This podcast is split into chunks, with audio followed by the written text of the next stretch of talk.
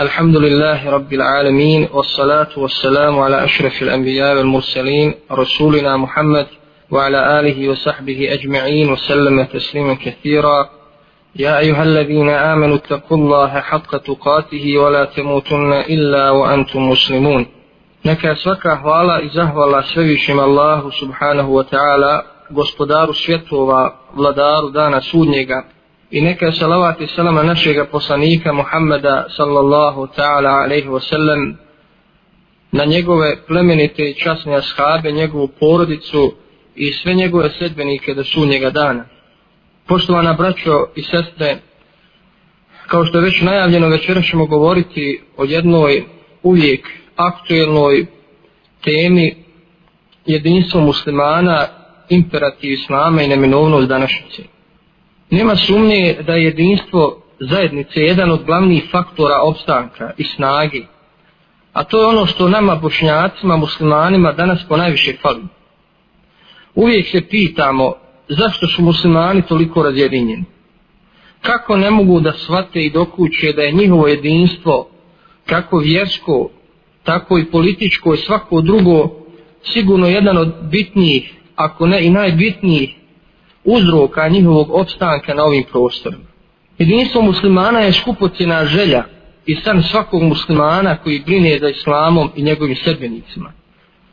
Stvar je još ozbiljnija ako znamo da nam je jedinstvo obaveza kojom smo zaduženi od uzvišenog Allaha subhanahu wa ta'ala, koji u svojoj plemenitoj časnoj knjizi kaže A'udhu billahi mine šeitan rajim يا أيها الذين آمنوا اتقوا الله حق تقاته ولا تموتن إلا وأنتم مسلمون واعتصموا بحبل الله جميعا ولا تفرقوا O vjernici, bojte se Allaha onako kako ga se treba bojati i umirite samo kao muslimani. I svi se čvrsto Allahova užeta držite i nikako se ne razjedinjujte. Ovo je imperativ, ovo je Allahova naredba da, da se muslimani drže čvrsto Allahova užeta. A šta je Allahov uže? Mufesiri, odnosno komentatori Kur'ana kažu da je to Islam, dok drugi kažu da je to Kur'an i sunnet. U drugom ajetu uzvišeni također kaže وَلَا تَكُونُوا كَالَّذِينَ تَفَرَّكُوا وَاخْتَلَفُوا مِنْ بَعْدِ مَا جَاءَهُمُ الْبَيِّنَاتِ وَأُولَٰئِكَ لَهُمْ عَذَابٌ عَظِيمٌ i ne budite kao oni koji su se razjedinili i u mišljenju podvojili kad su im već jasni dokazi došli. Njih čeka patnja velika. Znajući da je u jedinstvu snaga, oni koji islamu i muslimanima ne žele dobro, pokušavaju i nažalost uspijevaju da muslimane podijele na različite grupacije, i frakcije, političke, vjerske i druge i da među njih vrlo lahko ubace razlog Međutim, govoriti o jedinstvu, a ne kazati šta treba biti osnova i temelj tog jedinstva je besmisleno.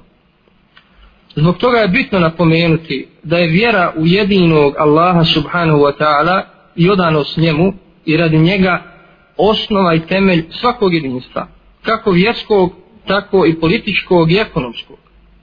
Zato uzvišeni subhanahu wa ta'ala kaže أعوذ بالله من الشيطان الرجيم إن هذه أمتكم أمة واحدة وأنا ربكم فاعبدون doista je vaš ummet jedna zajednica, a ja sam vaš gospodar, pa mi robujte.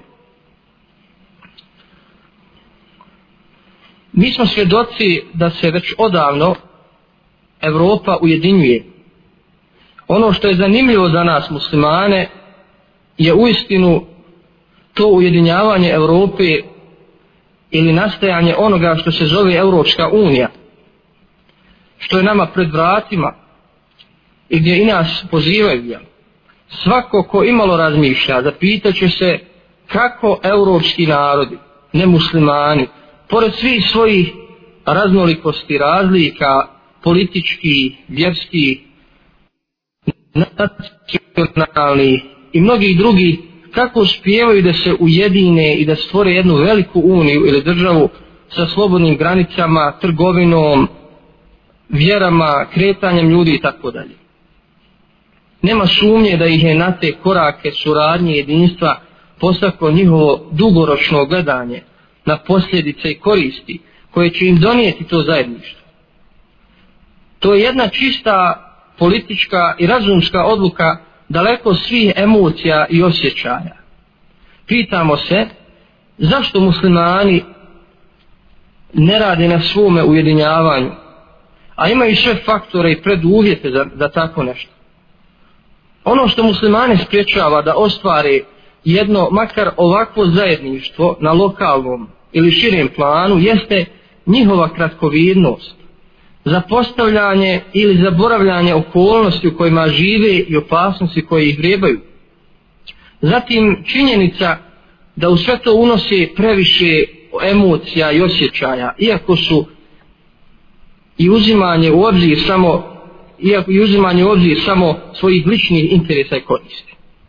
Danas muslimanima ne fali ljubavi prema islamu i brige za njegovim opstankom, ali ono što im ne da da razmišljaju hladne glave, racionalno i pametno, i da prednost daju općim interesima jeste primitivizam, civilizacijska zaostalost i zatupljenost.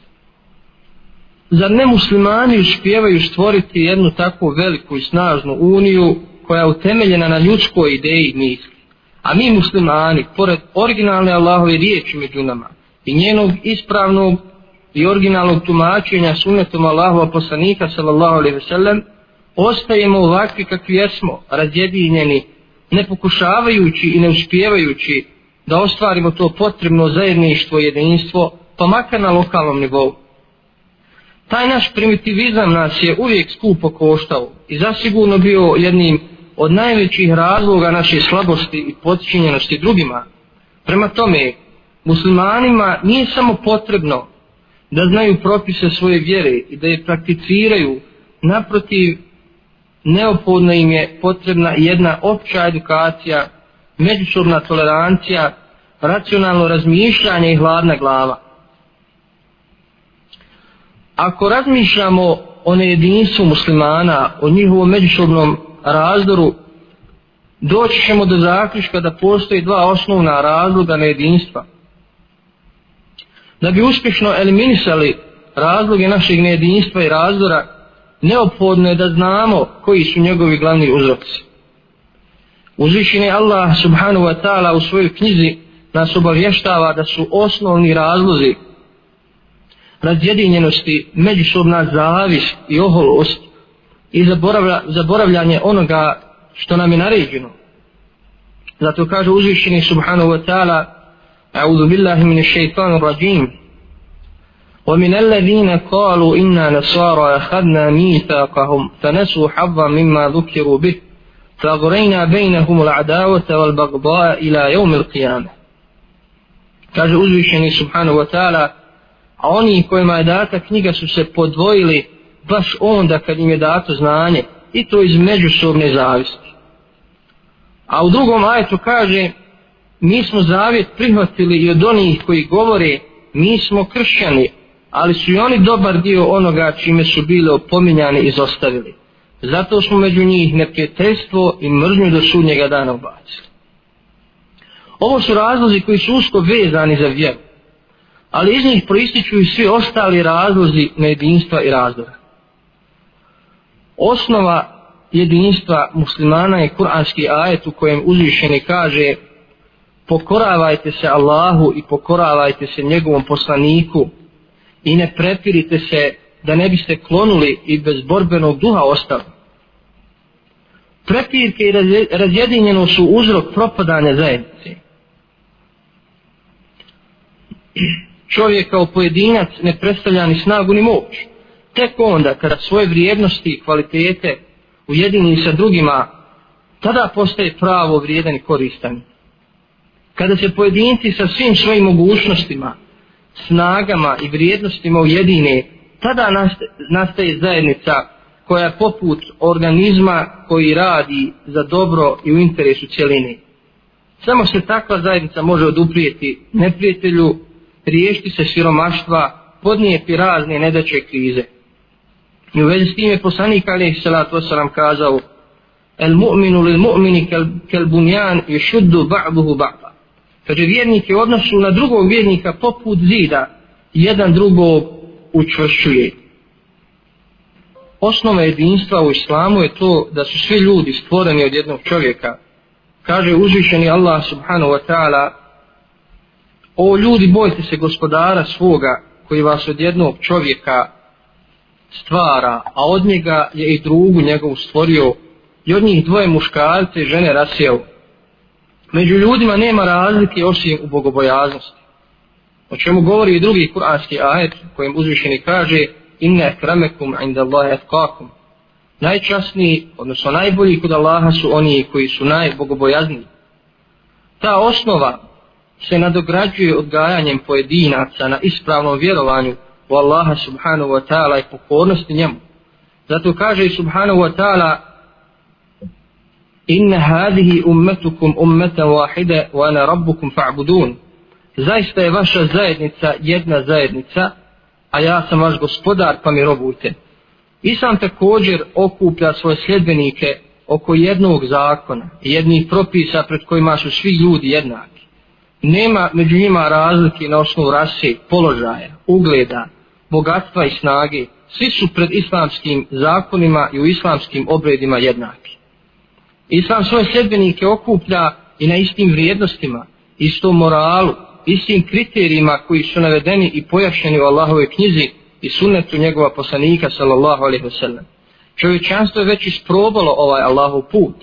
Iz njega je izašla u stvarnost jedinstvena i skladna zajednica u kojoj nema sektašenja i razilaženja. Zajednica Arapa prije Islama je bila primjer nesloge i sukoba i međusobne netrpeljivosti. Nakon što su seždu činili Latu i Uzatu i drugim lažnim bogovima, seždom Allahu, istinskom Bogu, oprali su svoje čela. Islam je u svome okrilju okupio različite narode, običaje, kulture, Arape, Perzijance, Egipćane, Marokance, Turke, Indice, Kineze i sve ostale. Zato uzvišene Allah kaže i sjetite se Allahove blagodati prema vama kad ste bili neprijatelji jedni drugima pa je on složio vaša srca i vi ste postali milošću njegovom braća.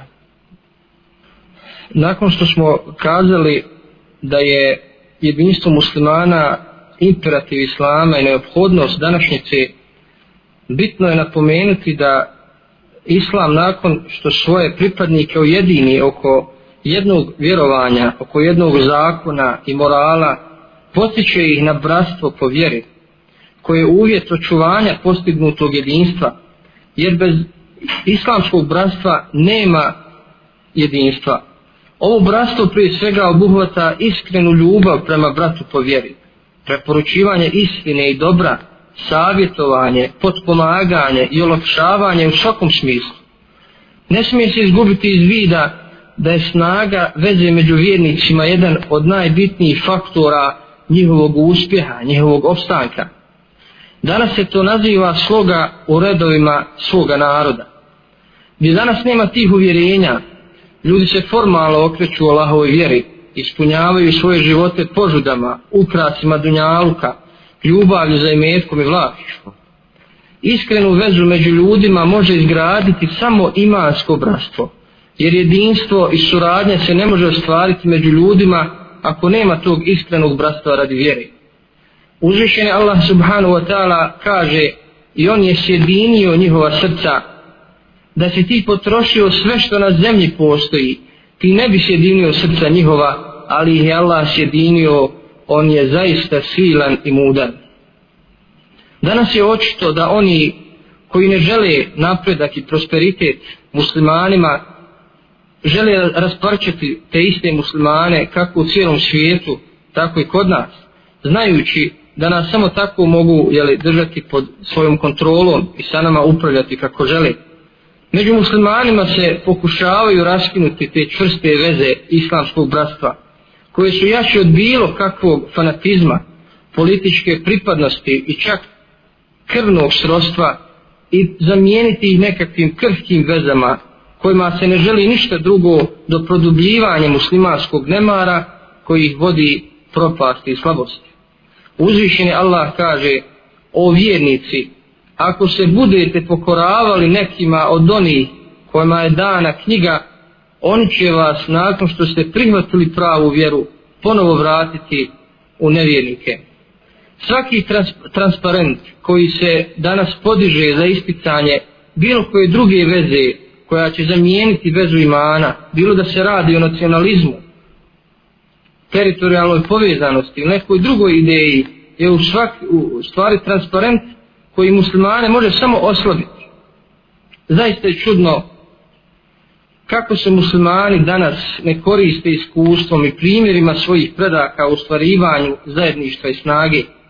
Historija je svjedok da se tim putem sigurno može postići jedinstvo, snaga i moć, jer taj put je univerzalan, paži za sva vremena i za sve prilike. Nema sumnje da je jedan od bitnih faktora jedinstva e, i pravilno razumijevanje vjere i njenih pravila i principa. Zbog činjenice da razmimo ilaženje u vjere i različita svatanja određenih ili pojedinih vjerskih pitanja mogu biti razlogom nejedinstva i razdora među muslimanima.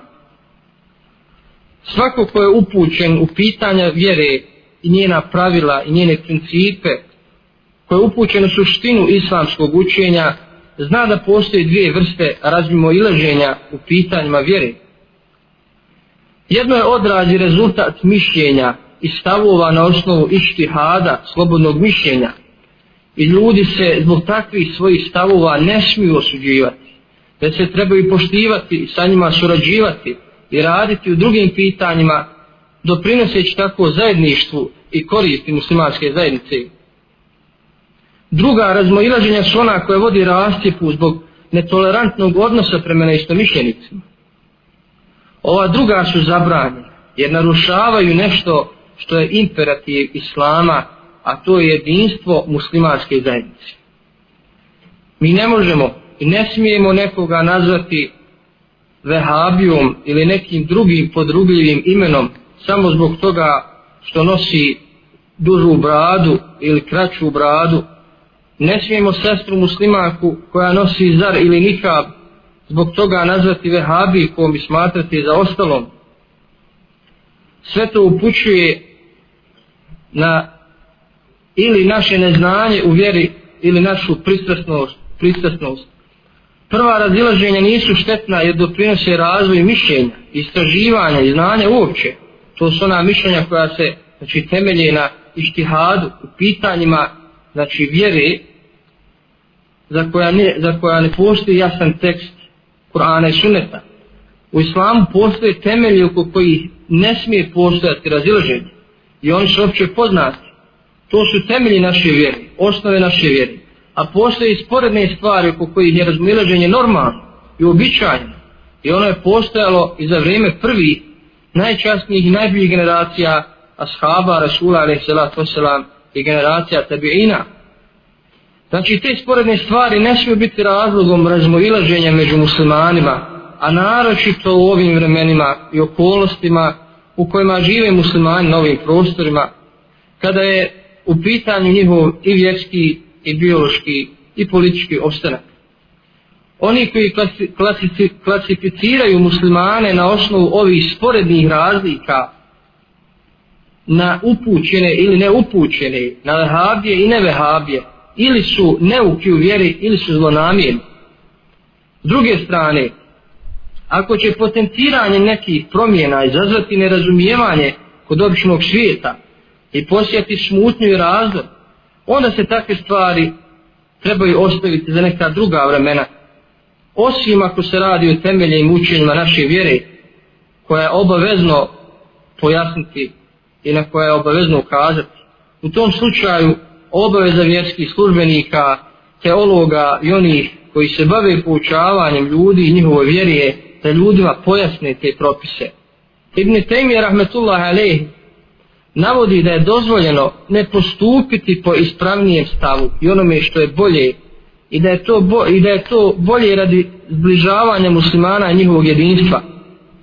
Kao primjer navodi slučaj kada je poslanik alejhi salatu wasalam odustao od rušenja Kaabe da bi ponovo sagradio na Ibrahimim temeljima bojeći se da će nove muslimane iz plemena Kureš odbiti od Islama.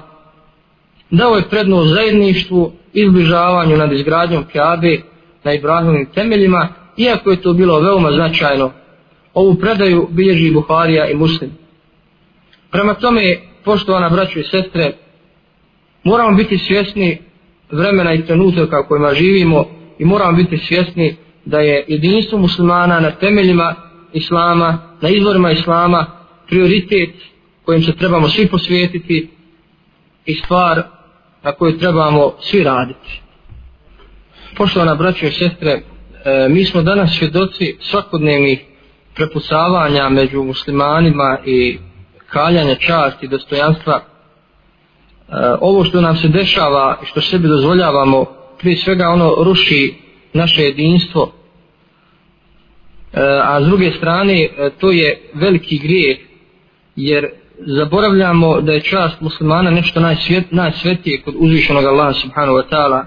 I zato uzvišen je Allah u mnogim kuranskim ajetima a njegov poslanik alaih salatu wasalam u mnogim hadisima ukazuju na svetu časti i na pogubnost njenog kaljanja u jednom od hadisa koji bilježi Bukhara i Muslim a koji je poslanik alaih salatu Veselam izrekao na oprostom hađu među svojim posljednjim porukama ili od posljednjih poruka izme, između ostalog i kazao u istinu je vaša krv vaši imeci, vaša čast za sve vas sveta kao što je svet ovaj dan u ovom svetom mjesecu i u ovom svetom mjestu neka prisutni prenesu odsutnima također jedne prilike Alija radijallahu anhu dok je sedio pored Kaabe rekao je o Kaabo svetali si i veličanstvena i uistinu je veliki grije da, se ne, da, da te neko sruši ali još veći grije da neko sruši i uništi čast i ugled drugog muslimana.